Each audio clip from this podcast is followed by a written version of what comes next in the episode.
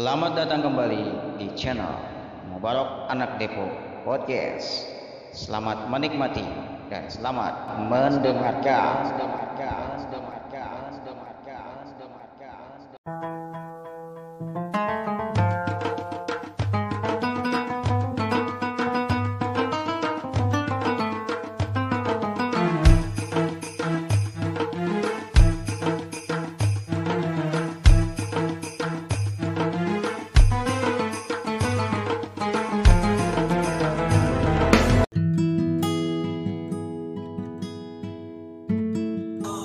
Assalamualaikum warahmatullahi wabarakatuh.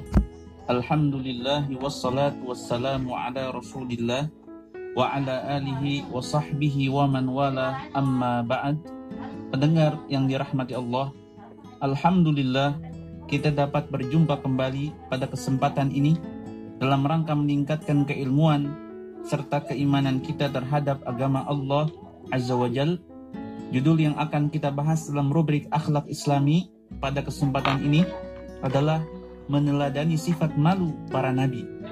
Pendengar yang dirahmati Allah, dalam sebuah hadis yang diriwayatkan oleh Al-Imam Al-Bukhari rahimahullah dari Abu Mas'ud Uqbah bin Amr Al-Ansari Al-Badri radhiyallahu anhu beliau bercerita bahwa Rasulullah Sallallahu Alaihi Wasallam bersabda, sesungguhnya di antara ungkapan yang telah dikenal oleh manusia dari ucapan kenabian terdahulu ialah jika engkau tidak malu maka berbuatlah suka hatimu.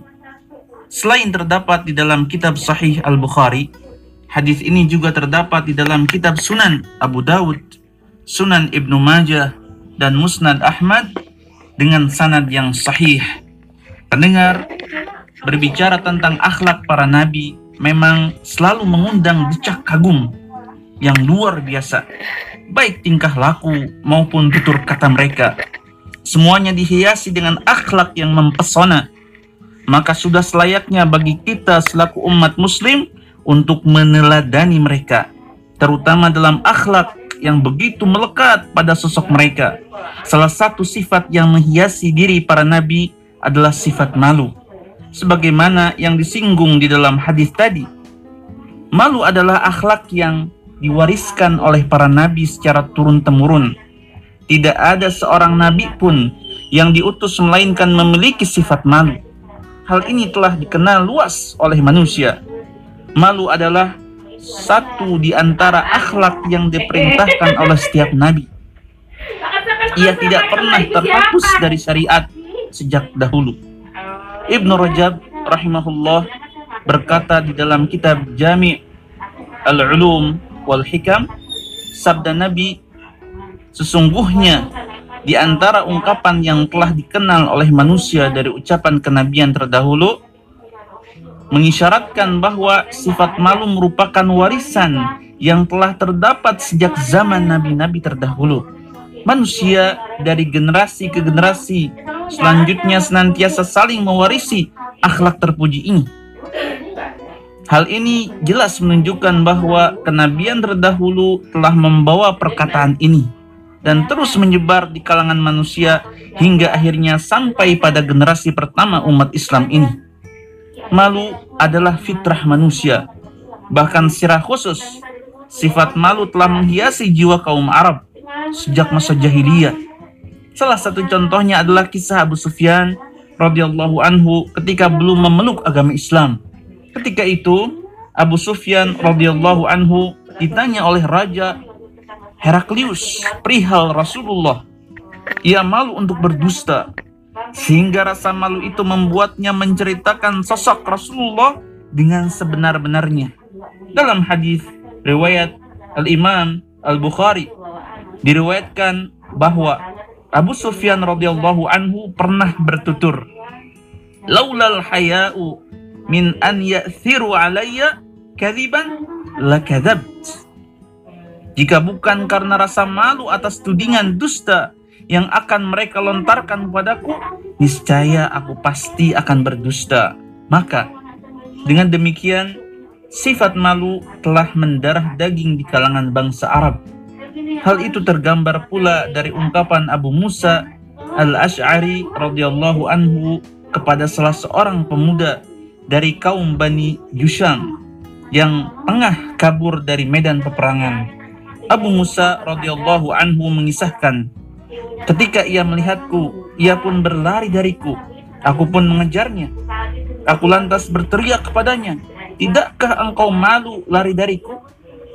Bukankah engkau pemuda Arab? Berhenti dan bertarunglah denganku. Akhirnya, tak lama kemudian, ia pun berhenti. Riwayat ini diceritakan oleh Imam Muslim dalam kitabnya. Kedua kisah ini menggambarkan betapa pentingnya sifat malu. Ia adalah fitrah manusia yang lurus. Pendengar yang dirahmati Allah, Sebagian ulama berbeda pendapat tentang makna sabda Nabi Shallallahu Alaihi Wasallam. Jika engkau tidak malu, maka perbuatlah sesuka hatimu. Iza lam tastahi, fasna ma Pertama, ucapan ini mengandung makna ancaman.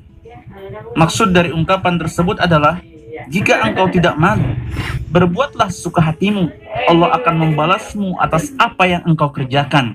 Hal ini sebagaimana firman Allah Ta'ala dalam surat Fussilat ayat 40. I'malu ma syi'tum innahu bima ta'maluna basir. Perbuatlah apa yang kalian kehendaki.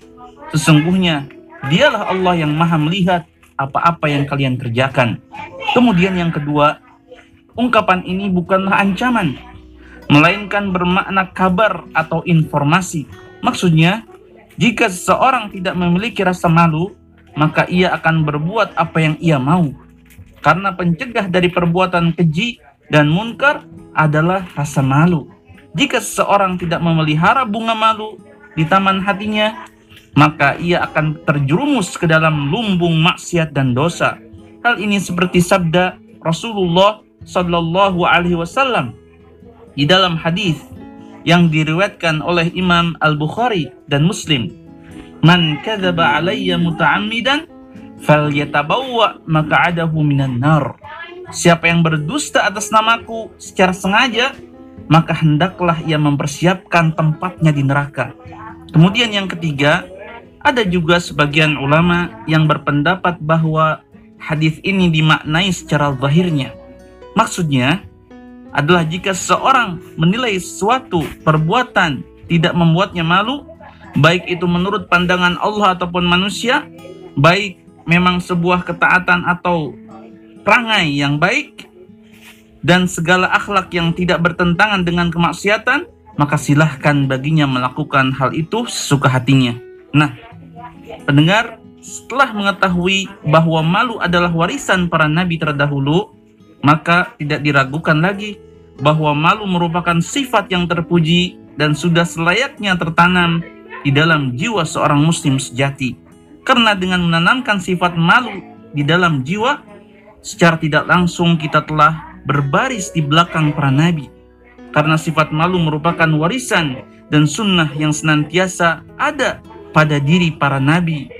Dari mulai Nabi Adam alaihissalam hingga Nabi Muhammad sallallahu alaihi wasallam. Pendengar yang dirahmati Allah, demikianlah pembahasan kita pada kesempatan ini. Semoga Allah menganugerahkan kita semua rasa malu di dalam diri-diri kita sehingga dengan sifat malu tersebut kita terhalang dari jalan-jalan menuju api neraka dan semoga Allah Azza wa Jalla senantiasa membimbing hati kita untuk menjadi hati yang teguh dalam menjalankan syariatnya. Amin ya rabbal alamin. Semoga bermanfaat.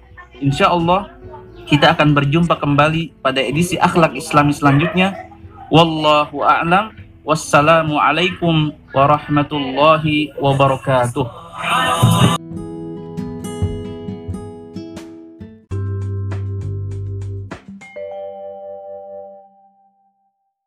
Terima kasih, terima kasih, kami ucapkan kepada para pendengar sekalian yang telah mengikuti segmen ini hingga selesai. Sampai jumpa di episode berikutnya.